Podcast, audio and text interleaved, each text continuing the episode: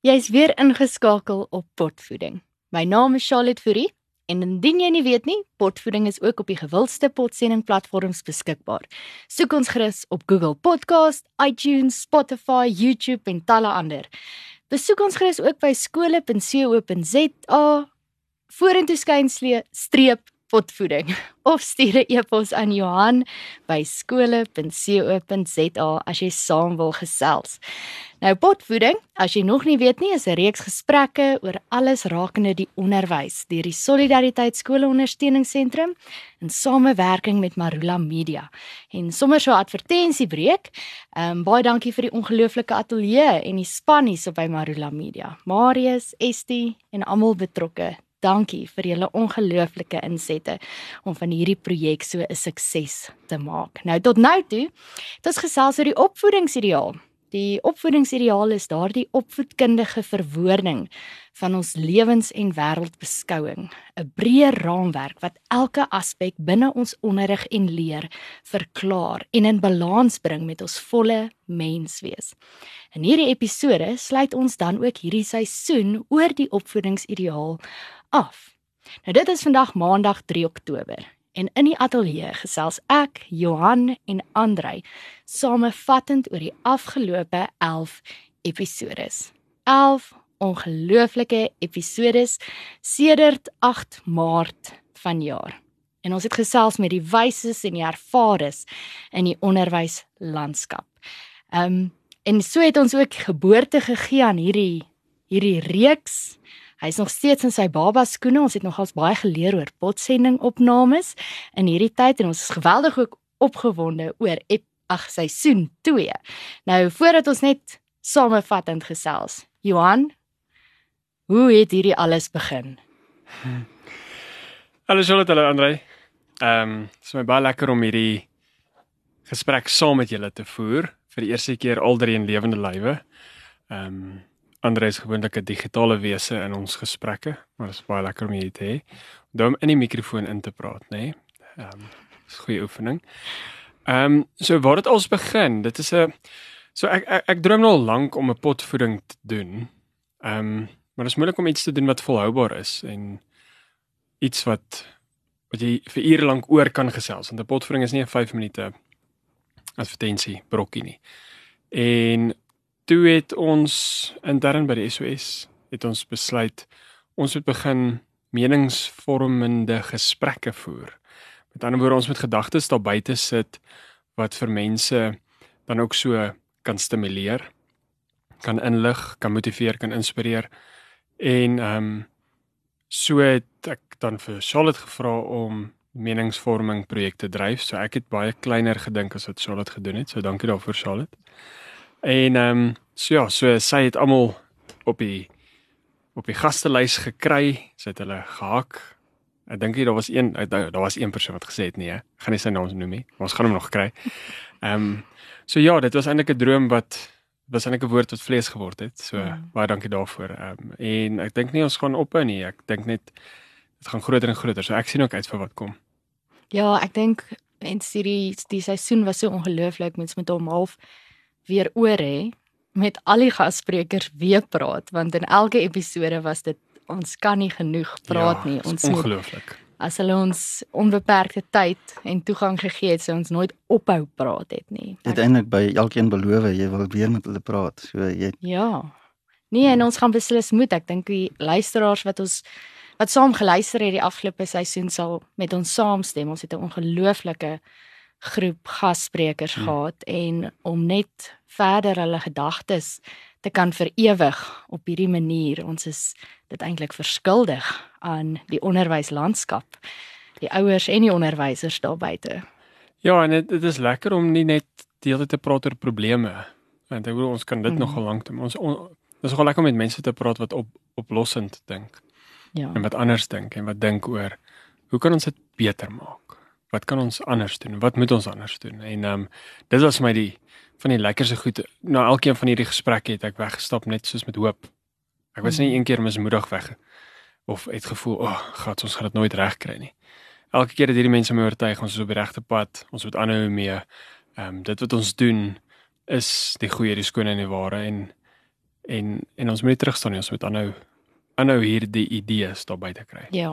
Nou ehm um, Johan, so op daai noot jy het nou gepraat van hoop en so aan en ek wil nou nie ons eie ehm um, potsending reeks adverteer terwyl ons oor hom praat nie, maar ek dink regtig as as jy bietjie mismoedig raak oor die onderwys, gaan luister hom weer. Begin weer by episode 1 dan vat jy hom so deur en ek dink vir baie jare vorentoe gaan dit nog vir jou hoop gee, maar ehm um, ja, en dalk Andrei Wat is 'n opvoedingsideaal? So ons het nou gesê hierdie seisoen was die opvoedingsideaal en ons het nou 11 episode gehad wat nou handel oor die opvoedingsideaal, maar wat is dit?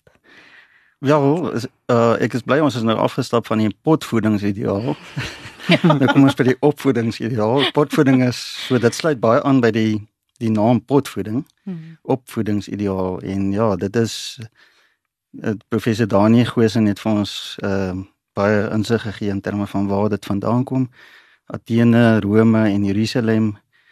Uh daar waar ehm um, dit is die opvoedingsideaal ideaal dat ons elke aspek in ons opvoeding meet aan ons bronne en die Grieke het gedink die uh, Romeine het georganiseer en die ehm um, die, die Israeliete of die Judaïte het ehm um, het die het het 'n bietjie bo uitgestyg uh, in terme van godsdiens en het vir ons daai fondasie gegee. So elke aspek wat ons raak aan die opvoed opvoeding moet ons daaruit uh, leer en en dit ons bril opsit. En dit is die opvoedingsideaal. Ja, ek dink ehm um, ek dink in ons dokument het ons dit verwoord na die goeie, die skoon en die ware. Daai drie mm. stede wat jy nou genoem het. En ehm um, en dit is vir my 'n tipe bril waardeur ek na die lewe kyk. En ehm um, as jy nie daai bril op het nie, dan sien jy nie die lewe vir vir wat dit is nie. Jy sien dit vir wat ook al vir jou voorgehou word of hoe ook al jy beïnvloed is deur jou verwysingsraamwerk. Maar as die goeie, die skoon en die ware amper 'n tipe lens word waardeur ons na hierdie goeters kyk, ehm um, dan raak alles net 'n vlakkie dieper en 'n vlakkie vlakkie beter. En ehm um, dan begin jy sien, okay, maar die wetenskappe praat met mekaar ehm um, verskillende industrieë praat met mekaar. En die oomblik wat jy daai Charlotte se woord vir die week kruiskurrikulêr kan kan sodra jy kruiskurrikulêr kan beweeg, dan kan jy oplossings bedink wat voorheen nie mhm. moontlik was nie.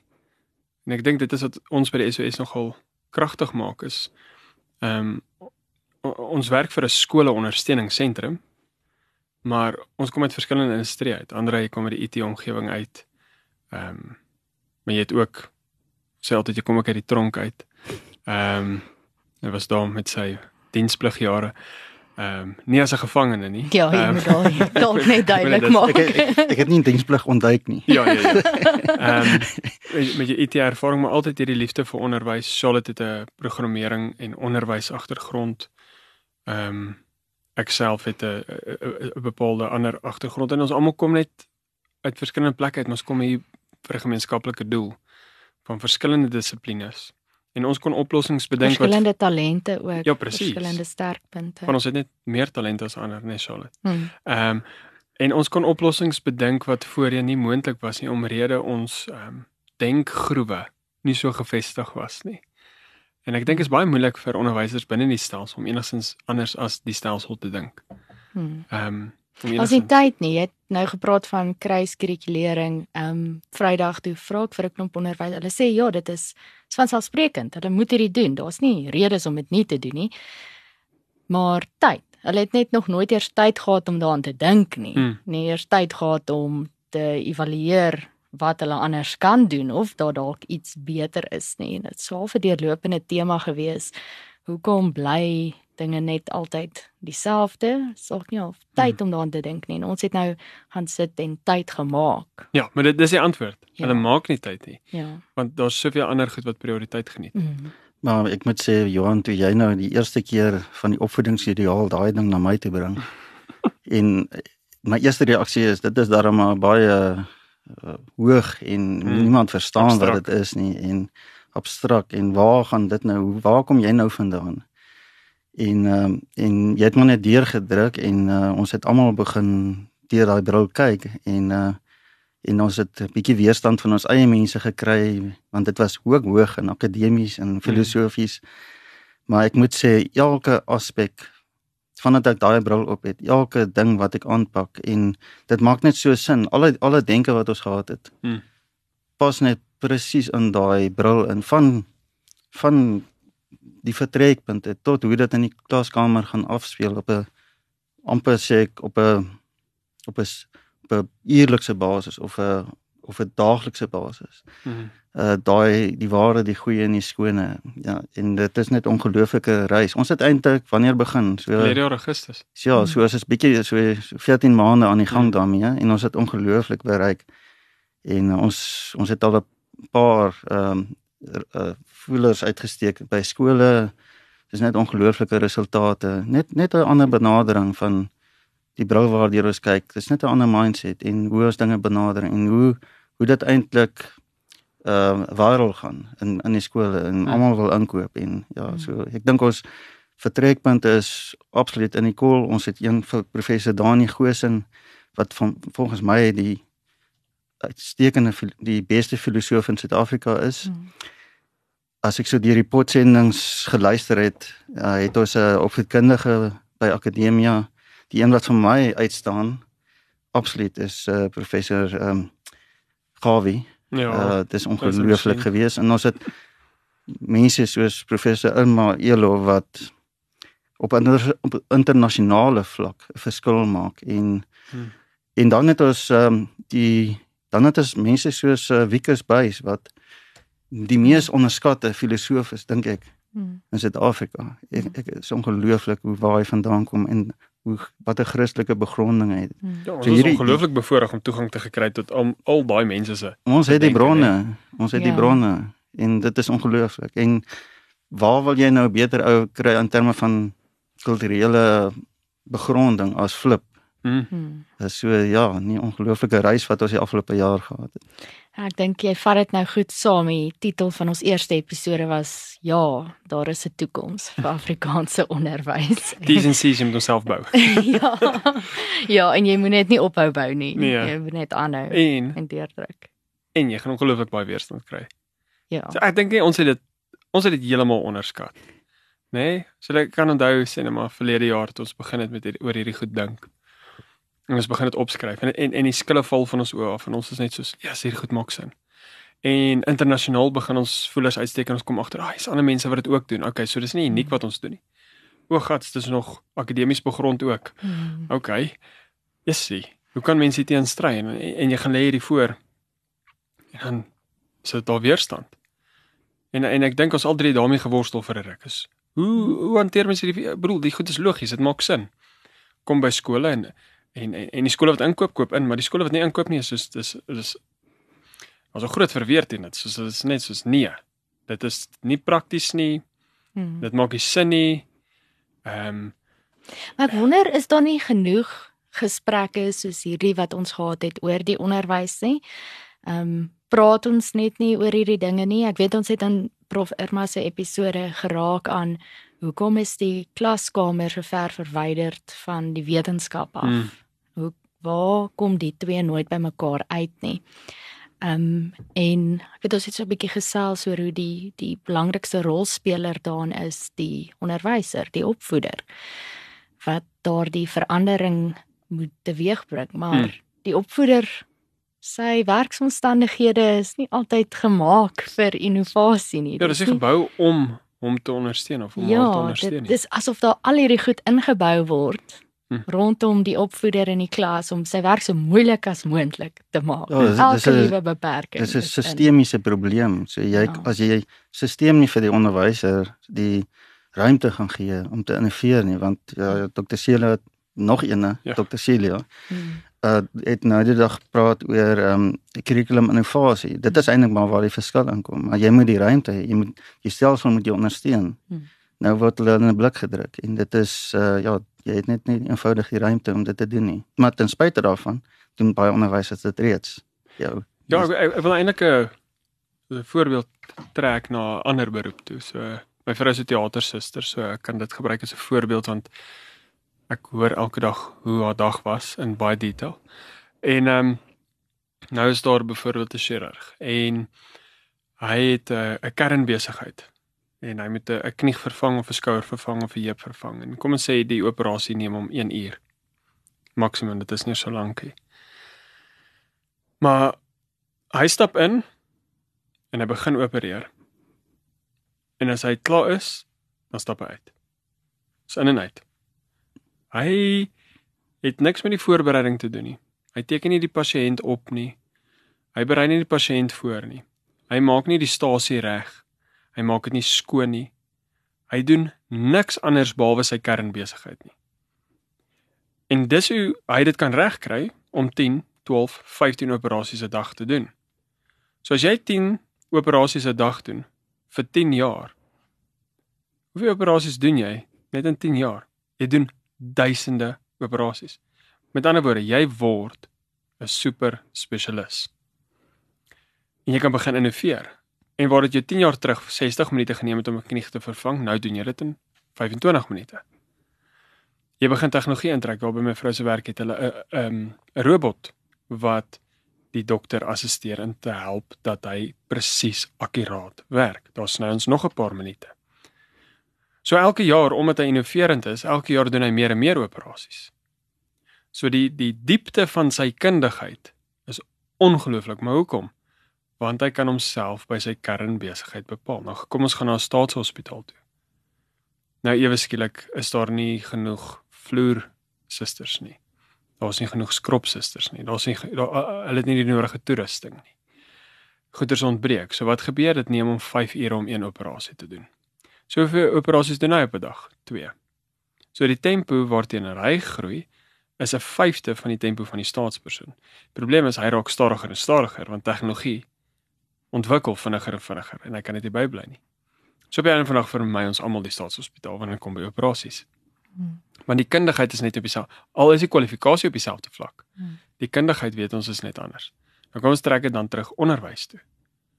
Ons onderwysers spandeer 'n fraksie van 'n dag op hulle kernbesigheid. Maar gaan na die privaat skole toe, die goeie groot privaat skole. Hulle het 'n core business. Dis wat hulle doen. Hmm. Hulle gesels oor onderrig en leer tydens professionele leernetwerkgeleenthede. Hulle is die meesters op onderwys en leer. Hmm. So nou, maar ons staats ons onderwysers in die staatsdiens moet ongelukkig alles vir almal wees en die beste enigste manier om dit te kan doen is om vir niemand niks te wees nie. So jy jy raak oor tyd middelmatig. En dit is hartseer om te sien dat van ons goeie onderwysers oor tyd agteruit begin beweeg. Die denke lê nog in 1990. Beste praktyke van 1990. Ehm um, dis eintlik 'n uh, reaktiewe omgewing, né? Jy moet heeltyd ja. op krisis aan. Ja, jy is heeltyd op krisis bestuur. Terwyl by privaat uh, by privaat mediese sorg kan jy baie vooruit beplan. Jy die jy jy's proaktief. Uh, so so dan sou my vraag jouself is dan moet die antwoord private onderwys wees. Dan is private onderwys die enigste plek waar ons eintlik die stelsel gaan kan herdefinieer. Ehm um, jy bou nie 'n um, rivier oor nie, jy maak 'n nuwe rivier. Want jy, jy, jy die stelsel is net so geset. Ehm um, dat dit maak enige vorm van innovasie amper byna onmoontlik.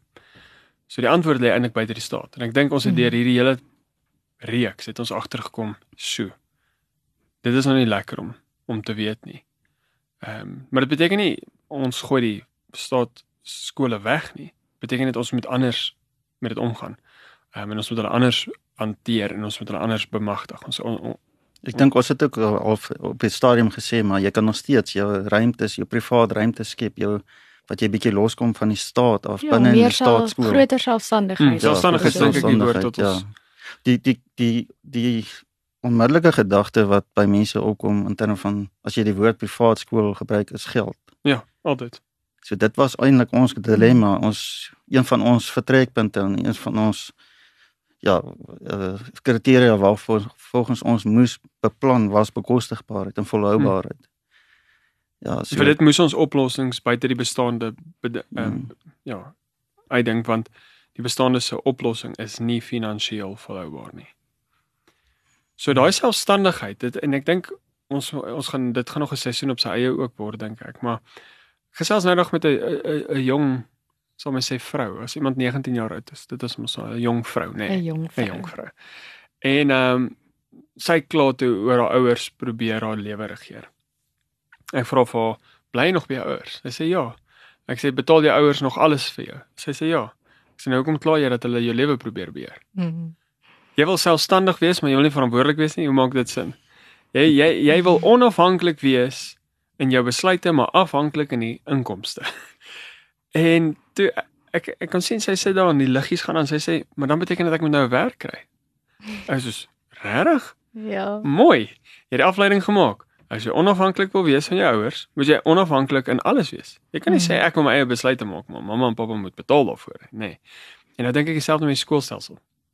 Soos jy kan nie selfstandigheid bedink terwyl jy nog afhanklikheid ehm um, promoveer nie. So so jy moet staatsbestand word. Jy moet onafhanklik raak van die kom ons sê die voordele van die staat. En nou ry ons daai golfie want dit is lekker, ons hoef dit nie te betaal nie. Ehm um, maar ons wil ons wil selfstandig wees solank die staat daarvoor betaal. Ja, gaan nie gebeur nie. Ja, en dan sit ons met ons hande in ons hare en dink, goed, maar is ons nou heeltemal onafhanklik, selfstandig? Hoe doen ons hierdie? Hmm. Van waar kom die geld vandaan? Ek dink ons hoor wat is die kostes aan 'n onafhanklike skool aan die privaat skole daar buite. Ons weet wat is daai daai uitgawes wat ouers moet kan spandeer om hulle Hmm. kinders in daardie skole te hou en ja, ons het nogals daai probleem ook lekker opgelos. Ek weet nie Johanna jy ons Ja. bietjie kan vertel. Kyk kyk. Kom ek kom ek sê dit is vinnig. Ons het dit by Wiekes geleer, nê, maar ander het my verlede week daar herinner. Al wat ons moet bring is twee visse en vyf brode. Nee. Ja. die res sal kom. Maar die ander stuk dink ek sê ek dis twee visse en vyf brode of vyf visse en twee brode. Ehm uh, ons ons moet hulle bring, nê. Dis ons moet ten minste ja. doen wat ons kan doen. Hmm. en die res sal kom. Ehm um, as ons nou Soltech en Akademie as 'n voorbeeld vat. Daar's nou 'n vrou uit die Kaap uit of 'n trust dink ek wat vir 10 studente hulle volle Soltech studiegeld betaal. Ehm um, dis dis meer as 'n miljoen rand 'n jaar. Hmm. So nou het Soltech 'n versekerde inkomste van 10 studente. Hmm. Akademie dieselfde. Dit gebeur. Daai die vloed van gee kom wanneer mense sien hulle kan jou vertrou met hulle geld. Hmm. En en en wanneer jy geloofwaardigheid het in dit wat jy bied. En wanneer dit wat jy bied resoneer met hulle diepste menswees en ek dink daar het ons nog lekker baie lesse om te leer, maar ons mense soek waardes. Hulle soek karakter. Dis eintlik as jy as jy die die la make-up wat hulle op het afval. Ooh, ek wil hê daar moet 60 buitemuurse aktiwiteite by die skool wees. Ooh, ek wil hê daar moet Astro baan. 'n 'n 'n groen astro of 'n blou astro wees. Ek wil hê daar moet 37 verskillende vakkeuses wees. Hmm. Nee, dit is alles make-up. Ehm um, hulle oorkompenseer vir 'n Jake gebrek aan White iets moet die anders. rugby span afrig. Ja, ja, Jake White met die rugby span afrig. Ehm um, en en en en vesel ehm um, internet. Mm. Alles moet daar wees. Alles, alles, alles. Hmm. Of tegnologie, wat ek al. Maar as jy daai make-up afval, Mm. dan sien jy mense soek waardes. Ja, ek dink ons het uh, op die regte plek begin. Ons het eintlik gaan kyk na wat eintlik in die klaskamer moet gebeur. Mm. Waardes ingesluit, alles rondom dit ingewerk. Sover as moontlik bagasie afgegooi met nuwe terme wat ons geskep het. Mm. Noem 'n paar nuwe terme, dis soos 'n meesteronderwyser, meesterkring, kringonderrig, Mm. Hmm. uh om net 'n paar te noem. Leerervaring. Hmm. Uh en uh ja, en ons het daar ons het gaan kyk wat in die oomblik van in die klaskamer moet gebeur. Wie waar moet wees om dit te laat gebeur en hoeveel kinders daar moet wees Hmm. en en uh, van hier af, dit is die kern en dis die ons het die gemeenskap betrek, ons het so in ons in ons vertrekpunte, ons het uh wat ook al ons het ons het, na die tyd wel na die toe ons eers die ding op papier het toe kom ons agter die woord tegnologie is nêrens nie. ja. En soos in ek bedoel uh, uh, Charlotte is 'n uh, tegnologie onderwyser, jy Ja. tegnologie. Ek was tegnologie. 22 jaar in die tegnologie. Ja, so drie Soos kom in- die tegnologie Waar? die agtergrond maar. Ja. Dit ongelooflik. Ek weet nie of julle ek wil eintlik hê julle moet nou vir my duidelik wat was julle ervaring daai dag. Maar ons het nou met prof Irma en prof Gawie oor dit gesels. Die term kringonderrig, nê. Nee.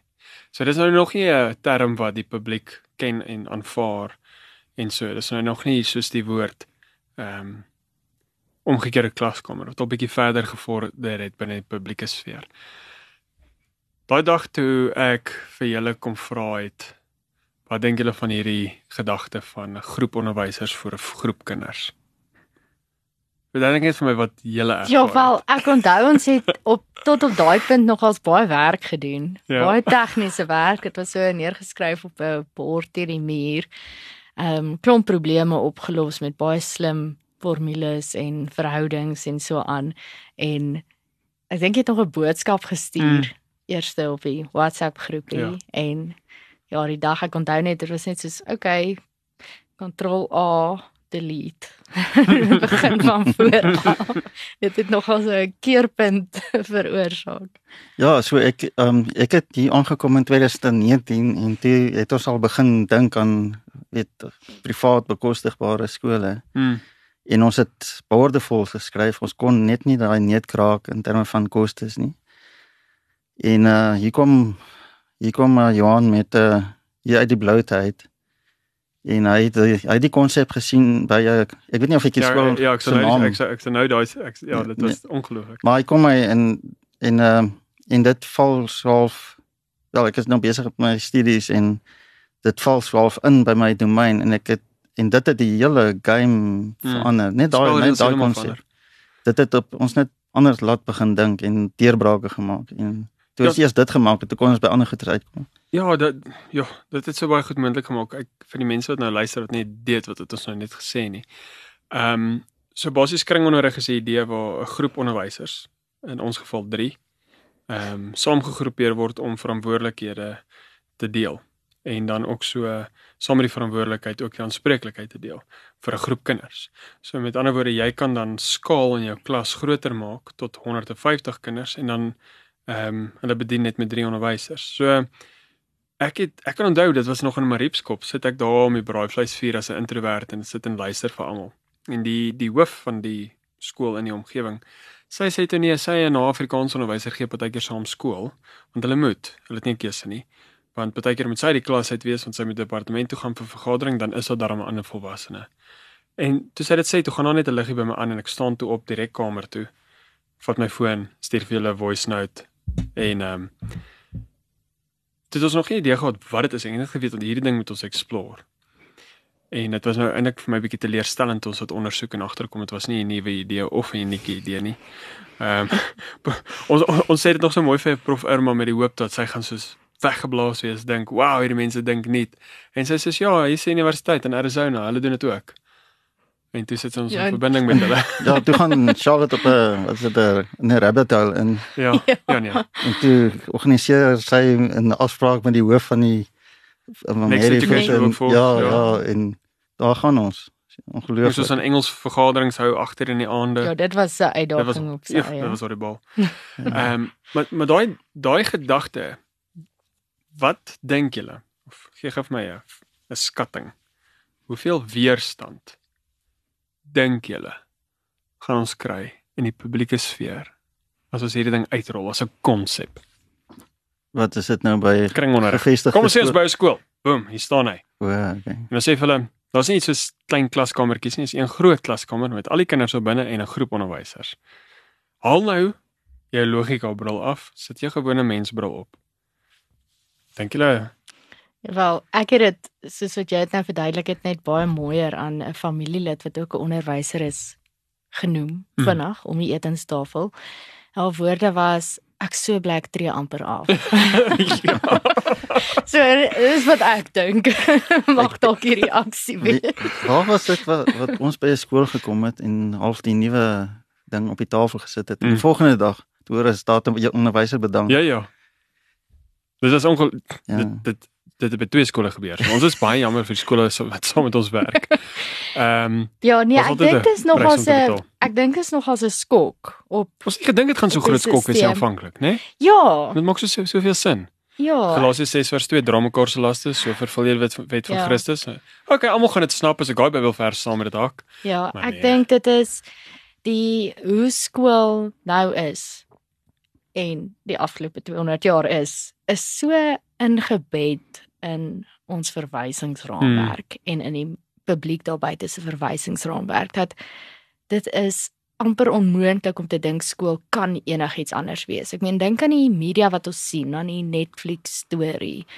As jy daar selfs 'n oorsese skool Mm, sien, dan lyk hy soos ons skool. Hulle het Mm. dalk nou nie almal uniforms aan nie, maar daar lê ook 'n klok en hulle wissel van klasse en so in dit is dis aanvaarbaar uh, ons word net heeltyd daarmee gekonfronteer en nog nooit was uh, dit openlik gevra maar hoekom is dit so of dalk moet dit nie so wees nie. Hmm. Wanneer jy na 'n uur, 2 ure met iemand hieroor praat en oor die Dan raak jy kwaad dat die en- skool selfs al is soos hy is. Ja, so dan as iemand eers as hy penny eers gedrop Ja. het. As jy eers dit sien, Kan dan kan nie jy dit ontsien nie nie. ontsien Ja. nie, maar om mense te kry om dit te sien is 'n uitdaging. Ja. Ja, yes, dit is eintlik ongelooflik. Ehm um, ek wonder watter invloed het dit soos ouers het op 'n sekere manier skool gaan gaan, nê? En en Mhm. ouers glo hulle het alraai uitgedraai. En nou wonder ek watter rol speel vrees dat as my kind dalk iets anders gaan doen, gaan hy anders as ek uitdraai. Hmm. En jy weet nie hoe dit gaan lyk nie. Dit kan of fantasties wees of dit kan baie baie sleg wees. En en ek Mhm. dink net dis die een plek wat ons nie eers 'n bietjie waaghalsig is nie. As as die as die die versekerde sukses nie op 100% is nie. Ons is Hmm. eerder gemaklik met versekerde 40% sukses wat ons nou het as e- e- enige iets anders. Want ons weet daarom wat ons rather the devil you know than the one you don't, né? Nee? Ehm um, en daai gedagte van eksperimenteer. Daar was 'n probeer- ek dink dit is 'n Swiss ehm um, 'n filosoof wat geëksperimenteer het met sy kinders. So in daai tyd was dit ook illegal, maar hy het dit gedoen. So hy hy kon nie sy bevindinge publiseer nie. Maar hy wou kyk of hy al drie sy kinders kan ehm um, genies maak in skaak. Mm. Ek weet nie of jy dit Ja, ken nie. ken dit. Ek, ek probeer nou sy Ja. naam onthou. Maar sy dogters is vandag hulle is grandmasters. Ja. En hy het basies 'n eksperiment gedoen op sy kinders en hulle is heel okay, nê. Nee. Maar hy is so deur die publiek gekritiseer dat hy dit gewaag het om met sy kinders te eksperimenteer. Ek dink die woord eksperimenteer in ons kop lyk soos daai wat mense sien van wat hulle gedoen het tydens die Nazi ehm um, Mm. tydperk. Hmm. Sit 'n kind in 'n donker vertrek, trek vir hom 'n wit jas aan, drup water op sy kop elke 4 sekondes en kyk hoe hy reageer. Mm. Dit is nie wat ons bedoel met 'n eksperiment nie. Nee, en ek ek dink daai woord eksperiment is net 'n is net 'n harde woord wat so gekaap is deur wanneer laas het jy 'n fliek gekyk waar hulle goeie eksperimente doen? Dis altyd 'n evil experiment, nê? Nee? Hmm. Mm. Dit word net so Mm. geassosieer met iets iets donkers en slegs. Ehm um, Ja, ons het nie regtig meer 'n keuse uh hoe ons hierdie goeders moet benader nie. Ons leef in 'n ongelooflike komplekse wêreld. Ek ek sê ek gebruik altyd die woorde uh toenemend veranderende wêreld. So Mm. dit is dit is die pas van verandering versnel eksponensieel. hmm, So ons moet ons kinders en onsself bemagtig om voordeel te trek uit hierdie hmm, hierdie toenemend veranderende wêreld. So as ons moet begin kyk na al op op al, alle gebiede kennis te hê, algemeniste of soos wat professor Gawie gesê het, die generaliste. uh ons praat van T-vormige leer breed oor die verskillende vakgebiede, maar ook diep. Hmm, Uh ons ons het gepraat van uh om die gemeenskap te betrek, uh koneksies tussen die vakgebiede, die verskillende leerdomeine, die affektiewe of die die die vers- wat is die kop, die hart en die in die hande. die hande. Dit is dit is die die drie leerdomeine wat ons sterk uh inbring en dan uh, en dan koneksies. Ja, ek het gesê koneksies tussen die vakgebiede en dan alle forme van wetenskap, alle invalshoeke uh en dan uh, dan het uh, vaardighede is 'n baie, baie belangrike ding. Nou en nou sit jy met nou sit jy met kinders in jou klas wat uit verskillende kontekste kom en elkeen is 'n individu op sig individu op sig- sigself. En dan sit jy nog met die onderwyser ook wat sy eie styl van onderrig het en sy voorkeure en goeders. So ehm um, kurrikulum innovasie of onderwys is eintlik 'n verskriklike komplekse ding. Nou praat ons nog nie eers by assessering gekom nie. Hmm. Maar om hierdie een van die een van die meganismes om hierdie goeders te om 'n komplekse stelsel aan te spreek is jy weet nie die, die wat voor die tyd gaan werk nie. Al wat jy gaan weet as 'n ding viral gaan en Hmm. dan jy moet soveel as moontlik eksperimente in die veld instoot. En wat by jou konteks gaan gaan werk, gaan nie noodwendig by my konteks werk Mm. nie, maar maar die ding van eksperimentering is is moet ons daai taboe moet ons afbreek. Ja, en ek Ja. dink as mens net sê ons ons stel ondersoek in, Ja. dan gaan die publiek dit baie makliker aanvaar as wat ons sê, hoorie so. Ons gaan met jou kind eksperimenteer. Mm. Ehm, um, Mm. maar as ek nou dink ons praat ook die skuif van die woord onderwyser na die woord opvoeder. So 'n opvoeder sê ook vir my dit kom uit opvoedkunde wat die wetenskap is van onderrig en leer. So eintlik wat ons sê ook is ons maak of hierdie persoon wat voor in die klas staan is 'n wetenskaplike binne die domein van onderrig en leer. Wow. So as ek 'n wetenskaplike is, wat is die aard van 'n wetenskaplike? Maar nou sit jy eintlik ons baie min wetenskaplikes wat mens kan ernstig opneem binne in die sosiale wetenskappe, nê? Nou social sciences domein. Meeste van hulle is uh, sulke quasi wetenskaplikes. Ehm um, wat se steekproef uit drie mense uit bestaan en uh, die die die al, al die data is anekdoties. Ehm um, so so mense vat nie daai wetenskap baie ernstig op nie. So jy jy wil eintlik hierdie wat so mooi Afrikaans vir rigorous ehm um, robuuste wetenskaplikes hê wat voor in klas staan, maar wat ook met kinders kan werk. Nou weet ek nie of julle ook al gesien het, maar gewoonlik is die twee onderling uitsluitend. Hmm. jy kry hierdie robuuste wetenskaplikes wat nie met mense kan werk nie Hmm. of jy kry mense wat met mense kan werk maar wat nie 'n groot sin vir die wetenskap het nie. Hmm. En ons sê ons soek iemand wat hierdie Ja. beide eienskappe het. Ja, Dr. Shelley het gesê onderwysers as navorsers. Ja. Hmm. So dat die hele ding van assessering sluit daarbey aan. Ek my uh John Hattie het ook gesê assessering moet primêr wees sodat dit onderwysers hulle impak van onderrig kan Kan- meet. ja. Nie om kinders te beoordeel. Natuurlik ook, maar primêr moet dit in die skool wees om jou impak van leer te meet. Ja, so dit is vanuit 'n navorsingsperspektief moet onderwysers begin navorsers raak Hmm. Of uit uit 'n uh, pedagogiese perspektief. Ja, maar maar dis eintlik ook 'n tipe ingesteldheid, nê. Nee. Mm. Ehm dis 'n is 'n ingesteldheid wat ondersoekend van aard is wat vra, maar hoekom? So ek Vrydag aand met my studente toe gee ek vir hulle die simboolverspreiding van 'n sekere graadgroep. Ehm um, wat skeef na links was. Met ander woorde, al die stafietjies lê aan die regterkant. En ek vra vir hulle, "Wat dink julle sê hierdie data vir my?" En hulle sê die data sê daar's soveel 7's, soveel 6'e, soveel 5'e. So so so okay.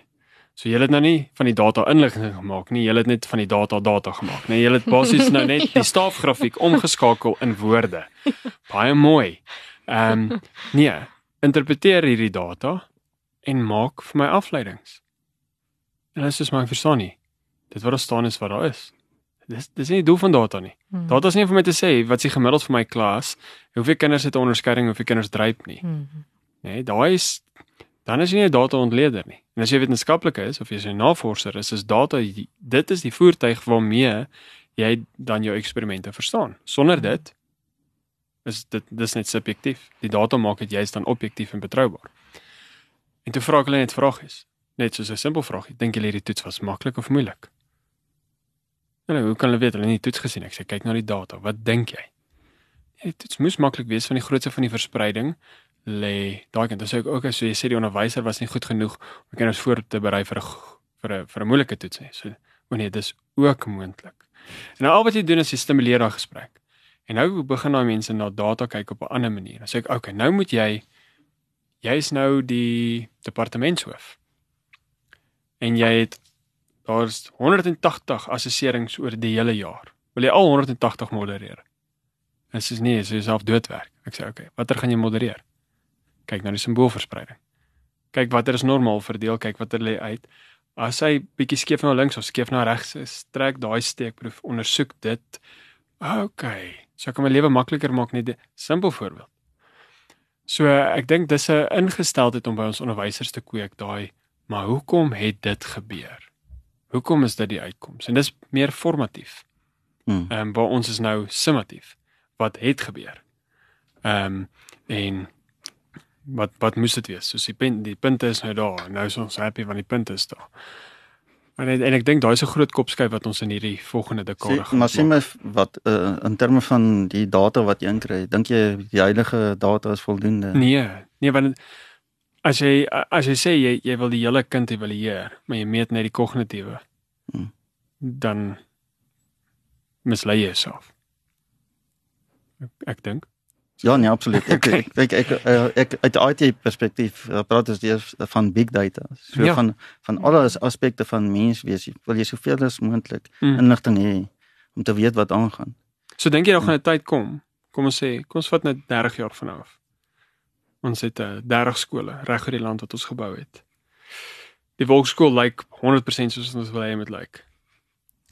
En ehm um, elke kind dra 'n uh, volkskoolhorlosie.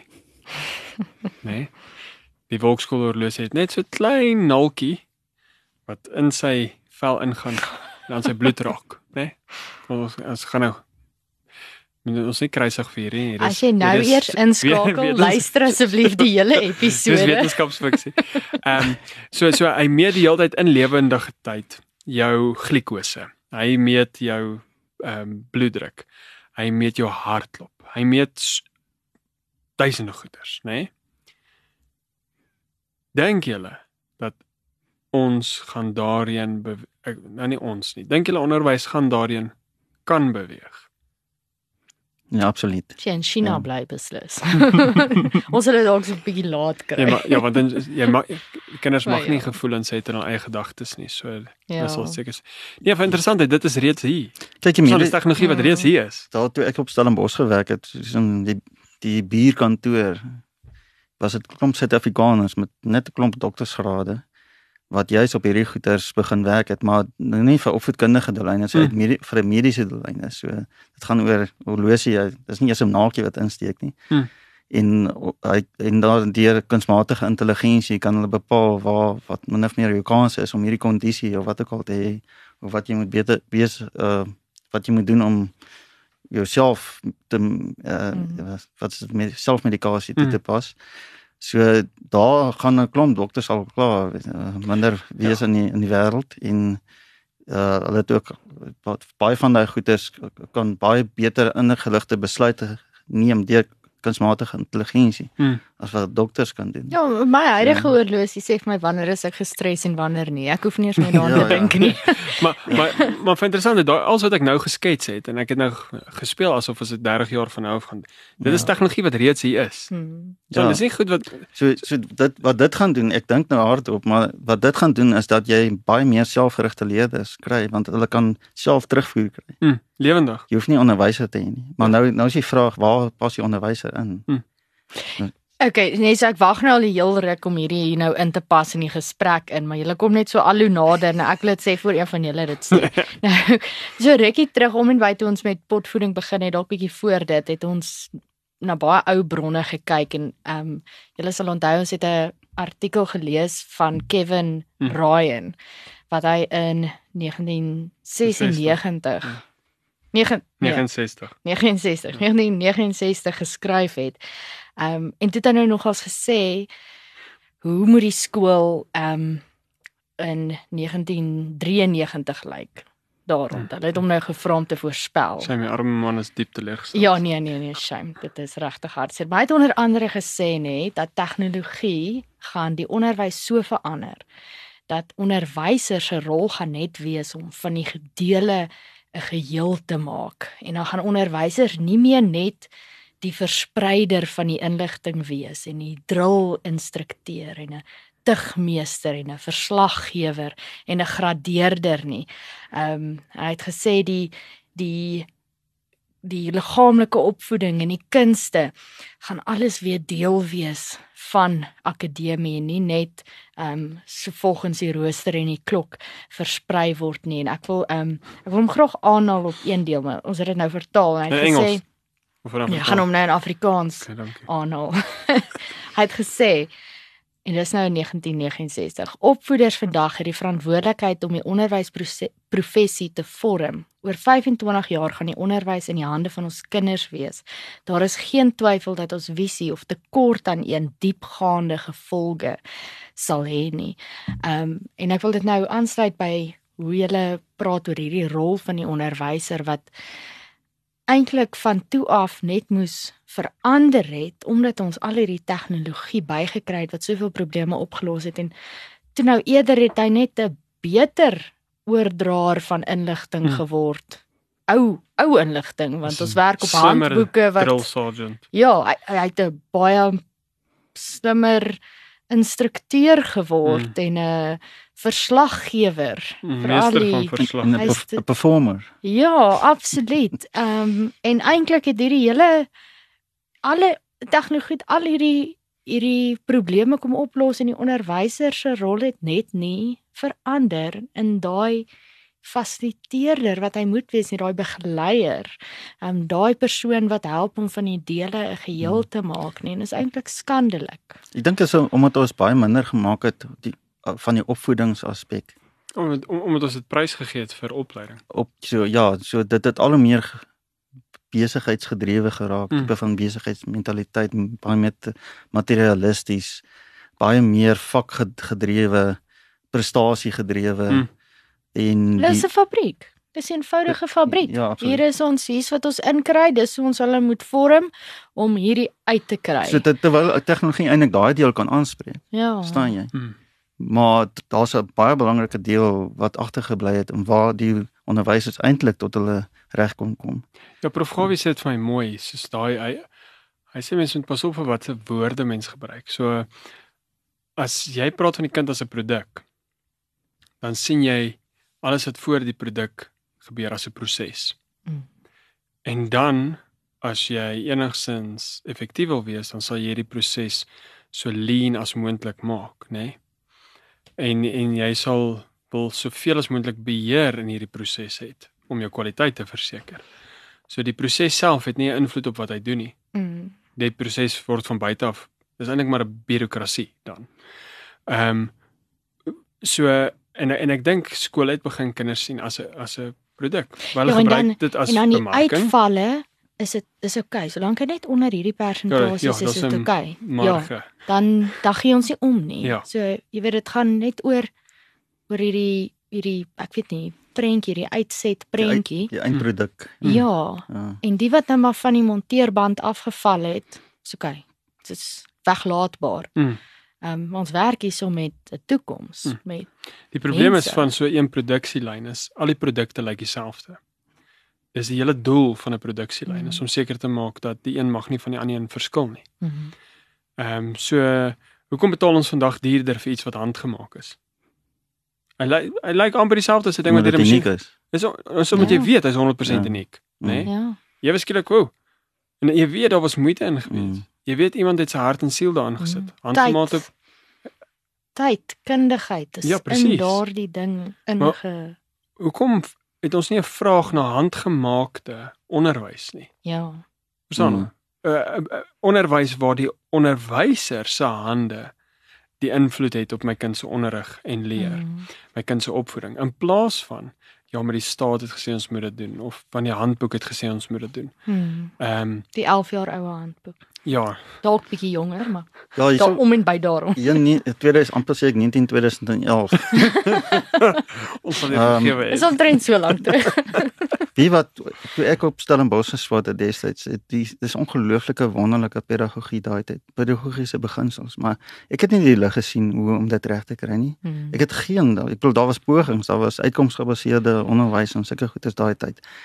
Maar hier by 2000 en wat is dit 19 2011 toe kom daar ouens op die bus en soos uh ehm um, wat is dit Salman Khan en uh daai ouens en en toe besef ek maar die kapasiteit en ja die kapasiteit van onderwysers raak kan baie meer raak om by onderrig uit te kom wat hulle vooropgelei is en waarna hulle glo hmm. deur middel van tegnologie. Hmm. So tegnologie, daar's 'n groot deel wat jy kan uitkontrakteer aan tegnologie.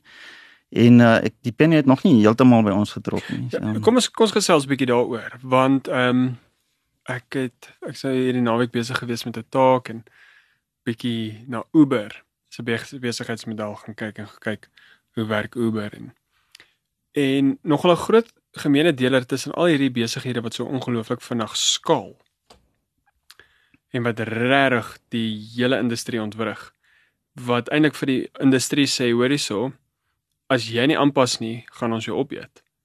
Nee, dis nie 'n klein besigheid wat organies groei nie, dis 'n ding wat skaal en hy vat is die feit dat hulle alle skaalbare funksies sentraliseer vir gehalte.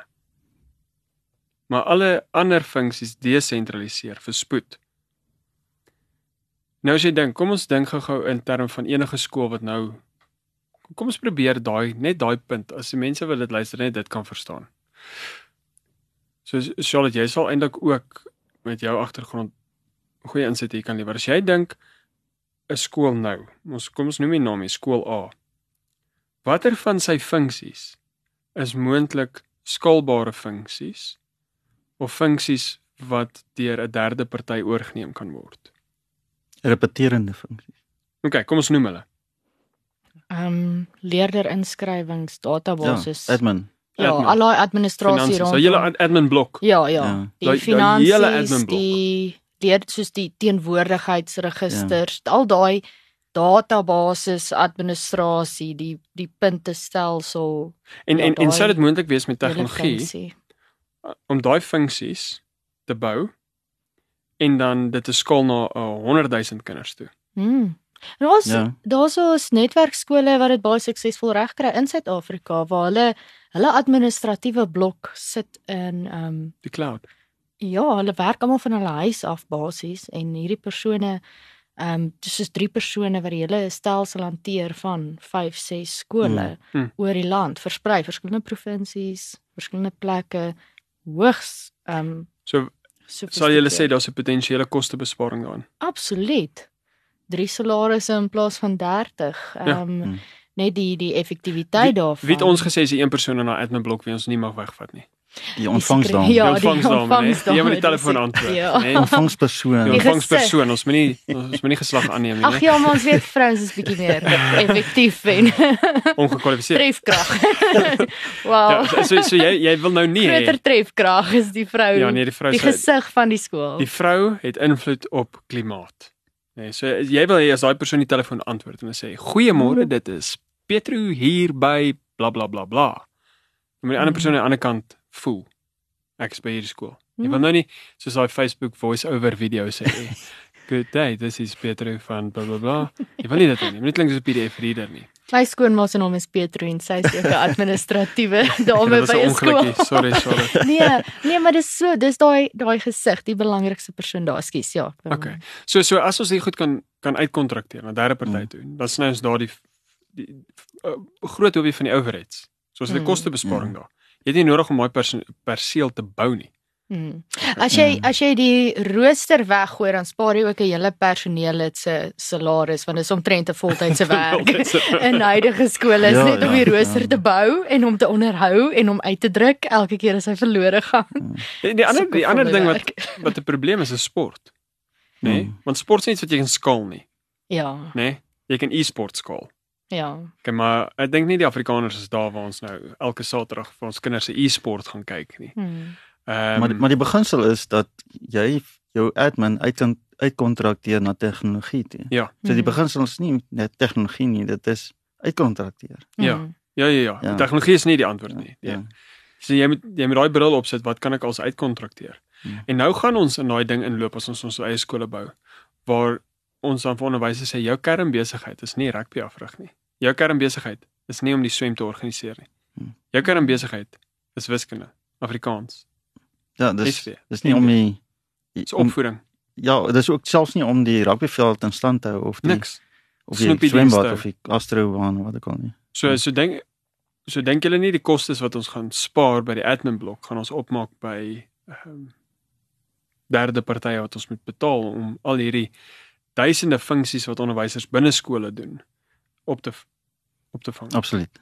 Absoluut. En ons is okay daarmee. Maar terwyl van wat? Wat gaan die onderwyser dan doen? Meer en dieper of dieper Ja. en meer. Dieper en meer. So so ek um, net van die os op die jas maar dit sluit tog aan by wat jy wat, die onderwyser moet doen is. Ek weet nie of julle gesien het daar so 'n video van Jerome Bruner nie. Dis soos hy was al oor die 100 jaar oud. Maar hy hy lewendig. Hæ? Was hy nog lewendig? Hy was ja, hy was nog lewendig, maar hy het, hy het eintlik 'n um, refleksie gedoen is binne 5 minute. Die video is net 5 minute lank, maar hy het Hmm. Dink jy dit opgesom. gedeel met ons? Ja, hy het opgesom die hele sy hele filosofie en hierdie groot opvoedkundige. Wat is wat is sy groot ding? Steierwerk. Nee, sy groot ding is konkreet semi konkreet abstrakt. Okay. Maar ja, so hy hy so wat hy gesê het is dat ehm um, wat wat wat uiteindelik wil by uitkom is die potensiaal ontsluit van leerders. Mm, prof Gawie se woorde. Ja. So daar's 'n ongelooflike potensiaal in elkeen van ons leerders, maar dit moet net ontsluit word. Mm. Nou sy sy sy invalshoek ons kan later oor praat, maar is is haar is die kulturele omgewing wat dit moontlik maak. Ons sê vryheid in wat is dit wat sê vryheid in Binne grense. in begrensing. Hmm. So dit is sy net daai twee. Vryheid die, kultuur of die kultuurgroep is belangrik, maar ook ons rol as onderwysers is om daai potensiaal te ontsluit van ons leerders. En en Ja. en as ons data gebruik om insigte te kry, dan beteken dit ons vermoë om te ontsluit neem toe. Want die antwoorde is nie meer vir ons versteek nie. En ek dink dit is nogal iets wat in hierdie tyd wat kom groter en groter gaan word. En ons um, ons is eintlik aan ons kinders verskuldig om data te gebruik om hulle potensiaal te ontsluit. As jy net op jou eie insigte sou staat maak, gaan jy net 'n X aantal kinders bereik, maar jy wil 100% van die kinders bereik, so Hmm. gebruik data. Ja. En daai data kry ons deur leerbestuurstelsels. Ehm um, verskillende formatiewe assesserings Hmm. en so meer. En as ons dit nie gebruik nie, dan ehm um, eintlik ontneem ons ons kinders om hulle volle potensiaal te bereik. Ja. Ehm um, want noem vir my een rapport in julle lewens wat julle potensiaal ontsluit het. Mm -mm. Dit doen dit nie. Daar is nie data wat enigstens inligting het wat my kan help om te blom nie. Ja. En intendeel het hy meeste van die tyd 'n teenproduktiewe teenproduktiewe uitwerking. So ek wil eintlik verder gaan en sê dit gaan dit's data is my een aspek van tegnologie, maar ek tegnologie maak dit byvoorbeeld moontlik om uh, tyd en geografiese grense af te breek. Mm. Soos byvoorbeeld die omgekeerde klaskamer by ons. Ehm um, dit is 'n uh, tydsgrens, met ander woorde, dis voorbereiding wat die kind by die huis doen, die data kom in die klaskamer in. Mm. Uh uh so dit is uh so die leer vind nie net by die skool plaas nie. Mm. Die geografiese grense is kyk wat gebeur by Mildersdrift. Uh Elsabie staan daar in een klas en sy saai dit of sy uh, aan die aan die ander klasse is is is daar lesse wat hulle op die televisie kyk. Uh en uh, en dan kan die ouers dit ook self kyk. So dit is dit, breek net daai geografiese grense af. So. Mm. Dis eintlik maar wat ons doen, doen met ons model ook, nê. Nee. Ehm um, Hmm. hele ding van kringonderrig. Dit is nie meer vaste periodes nie. Dis nou een tydsblok. Uh, dis Ek dink- in in die wêreld is jou klaskamer. Want, Mm. Ja. Ek dink dit is as jy 'n gesoute onderwyser is en ehm um, nou al die kuns van tradisionele onderwys vervolmaak het, is die dinge waaroor jy nou gepraat het, data ontleed, navorsing, dit is nogal so 'n angswekkende Mm. gedagte dink ek vir enige vir 'n persoon individu. vir 'n individu. Ja. En dis nou waarby ek wil uitkom is dat ehm um, dit hoef nie angswekkend te wees nie. Ja, dis angswekkend as jy dit van een persoon verwag. Ehm um, en dit is ook wat ons agtergekom het dat die arme onderwysers kom dag 1 in die klaskamer en hulle moet alles wees vir alle leerders ten Alle alle tye. tye. En dis onmoontlik. Hmm. Niemand kan dit wees nie. Um, ons is almal verskillend en en ek wil nou vir ons weer ietsie voorlees. En dan kan ons bietjie daaroor praat en dit is nou Prediker 4. Soos hy sê Okay. voorlees te wou ek 'n grappie maak en sê uit die Bybel uit. Wel ja. Prediker 4 vers 9 tot 12 sê: Twee is beter as een, want hulle het 'n goeie beloning vir hulle moeitevolle arbeid. Want as hulle val, kan die een sy maat optel. Maar wee die een wat val sonder dat daar 'n tweede is om hom op te tel. Verder, As twee bymekaar lê, kry hulle warm. Maar hoe kan een alleenig warm word? En as iemand die een aanval, kan albei hom teestand bied. En 'n driedubbele lyn Hmm. word nie gou Ja, ja, verbreek nie. Onthou daai altyd. Ek hoop nie ons onderwysers sal dit letterlik vat nie. Ek, Ja, nee, ek wil imagine ek stap by die klaskamer in en die lê hulle almal in kaddel nie. Soos uh Dis nie heeltemal wat ons hierdeur bedoel Ja. nie, maar ek dink dit vat dit so goed saam. mm, absoluut. ons hoef hierdie nie alleen te doen nie. Onderwysers, hulle moet dit nie alleen doen nie en dit is die krag van kringonderrig. Jy word 'n span. Hmm. Nou, ons is nie gemaak om alleen te werk En- nie. Ons is nie gemaak om hierdie uitdagings On- on- alleen en ons het te dit vat gesien by die Mm. skole waar ons Ja. was. ongelooflik. Dis de, uh, ek weet nie of julle die konsep van flow ken nie, vloei. Ja ja. Dan is al konsep van collective flow. So jy gaan dit voor jy jou kom kry is die tyd verby Mm. en jy was net Mhm. so in ingeskakel by mekaar en die wonderlike planne het uitgespring daardeur en dit ek kon dit net nie glo by die by die by die, Ja, by die skole geen wat is dit? een ja. geen een mens kan so goed wees soos 3, selfs meer saam nie. Ja. As jy mekaar so kan aanvul in die onderrig van die volgende geslag, dan is ongelooflik wat watter impak ons dan kan hê op die leerders wat voor ons sit. As hulle die beste kry by my, by jou en by Andre, by my jou Johan. Nou, kom ons sê ons drie was nou 'n meesterkring gewees. Dan ons het elkeen ons baie unieke swakpunte en ons het elkeen ons baie unieke sterkpunte. Voeg dit alles saam. Hm. Daar waar jy swak is, vul die ander een jou aan. Daar waar jy die dag net nie voorkom nie, hoef jy nie, want daar's twee ander wat voorkom. Die, die ding is nê, nee, as jy nou internasionaal gaan kyk oor wat maak kinders suksesvol. Ehm um, wat is een van die grootste bepalende faktore?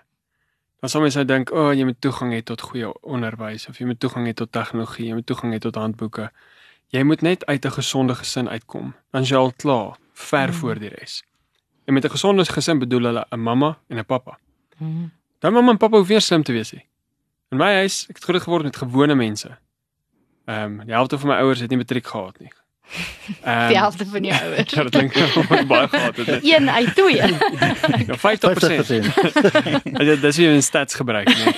Ehm so dit klink net baie meer indrukwekkend of, of Ja, ja. en, en ek negatief as ek sê die helfte van my ouers het nie met maar in 'n geval. So ehm maar, maar hulle was 'n eenheid. Mm. Maar dit mekaar se sterkpunte geondersteun mekaar se swakpunte aangevul. Mm.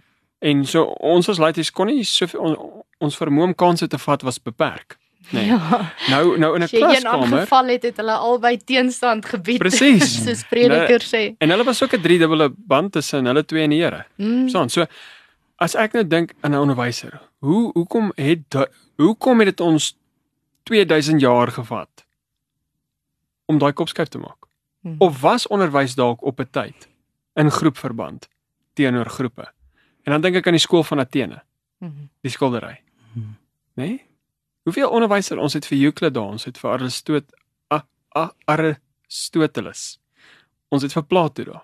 Almal in dieselfde vertrek, een oop vertrek. Daar's tablets en styluses. Ek weet nie of julle dit gesien het nie, hè? Hoe impressive is dit? Ja. Maar Ja, ek sal 'n bietjie Samsung. vir die luisteraars se skakel insit. As hulle luister. En die kinders leer in groepe. Ja. Dis nie 'n nuwe idee wat ons tafel toe gebring het nie. Ja, hy was net nie vasgevangene Netflix series nie, so die publiek ken hom nou nog Ja, nie. hulle so ken hom nog ons moet dalk met Netflix gesels om vir ons 'n paar Hmm. skoolreekse te Of Babylon B. Maar hoor, Ja. net om terug te kom na wat jy gesê het, die ouerhuis en so aan. Dit is ehm uh, dis nou waar die waardes gevorm het. Jou Hmm. Ja. Mm. Jou uh, wêreldbeskouing of, of sul- sulks wat hulle vanuit vorige geslagte ook gekry het. Ja. So het, maar- maar daai ding is nogals baie belangrik want ons het al gesê in hierdie toenemend veranderende wêreld moet jy heeltyd aanpas. En toe sê Hendrik nee, Ja, ek onthou Hendrik. Hendrik wat, wat by ons werk. Hy sê nee, jy moet nie verander nie. Jy vaardighede moet verander. Ja. Jy, en Jy jou- is nie 'n vaardighede nie, Ja. en hè? en, Wow. en jy jy word dan geanker Ja. in jou Christelik wees, jou waardes. En ons sê ook al lank al wêreldklas is nie meer genoeg. nie. Ja, ons moet wêreldklas oopbreek. So die die die moderne onderwys, hulle hang hierdie hierdie uitstekende opvoedkundige beginsels aan. Maar die een ding wat ons nogal gesien het wat hulle kort is hierdie eintlike Dis eintlik Die waardes, die Christelike waardes. Dis ons waarde aanbod. Letterlik is die Mm. waardes. Want die Mm. waardes maak van hierdie ding volhoubaar. En dit was die Mm. vraag wat ons gehad het. Want ons moes gehad het volhoubaar en waardegedrewe. Hmm. Nee. En toe kom ons agter dis eintlik dis eintlik een muntstuk. Nee, jy kan nie volhoubaar wees as jy nie waardegedrewe is nie. Absoluut. So so as ons kyk na vandag se onderwysers, kry jy in 'n skool eintlik 'n 'n mengelslaai van waardes. En hulle spoel nie af op mekaar nie want hulle het nie interaksie met mekaar nie, maar dink gou tussen die drie van ons. Hoeveel van julle waardes het ek al aangeleer? Ek het al Charlotte se fokus begin aanleer, nê? Nee? Ehm um, ek het al selfs Andre se vermoë om iemand te komplimenteer. Ek beoefen dit nou al. Ek sê, sê vir jy lyk mooi vandag. Ek Ehm, probeer nog julle geduld leer. Dis 'n proses. Maar ons kan aan mekaar afsmeer want ons is in mekaar se teenwoordigheid. Dink aan die huwelik, ek en my vrou.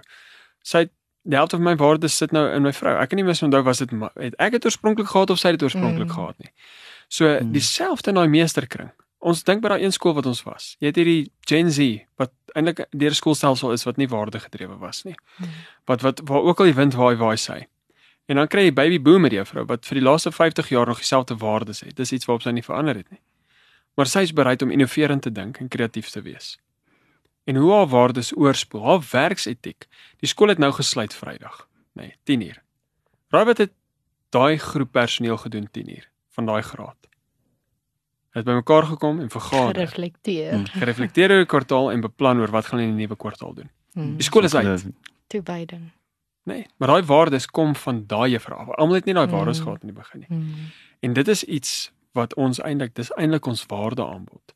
Is eintlik die blootstelling aan 'n waardestelsel wat resoneer met die gemeenskap. Vra vir enige Afrikaner of ons nou Global is of 'n Cheetah is of ons nou hou van Steve Hofmeyer of nie hou van Steve Hofmeyer, maar vra vir daai mens, dink jy 'n mens moet hard werk om iewers te kom? Hmm. Mm. Gaan almal sê ja. Ja. En, en jy kan dit sien in die sukses van ons kinders wat die wêreld ingaan. Ja, absoluut. Want daar is reeds ongelooflike sterk waardestelsel by ons sko- skole uh oor die jare. Hmm. Uh, Hmm. baie baie beter as ander gemeenskappe. Ja, ja. Ja. So uh, Ek weet ons het in Dr. Janet se episode, ek dink dit was episode 6 wat um, ons gepraat het oor karakter en waardes. Ehm um, het ons nogals die metafoor gebruik Ruggraat. dat die ruggraat. Mm. Mm. Die ruggraat laat jou arms en jou bene beweeg en dit hou jou ska jou skouers regop. Ehm um, en ons het so gepraat van hierdie hierdie karakter. Die karakter wat jou ruggraat is en dan die wervels wat jou al jou waardes is wat hierdie ruggraat reguit hou en jou skouers regop hou. Hmm. Dit was ongelooflik. Ons ek ek wens elke liewe persoon in hierdie land luister daai episode.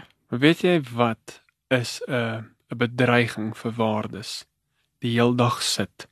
Hmm. Het het julle dit ook al ons Ja, ons werk is rug. van so 'n aard dat ons sit omtrent 8 ure minimum 'n dag. Mm. Ek weet nie van julle nie, maar my rug chop af. Mm. Nee, elke dag het ek rugpyn. Ek staan elke oggend met rugpyn op. Mm.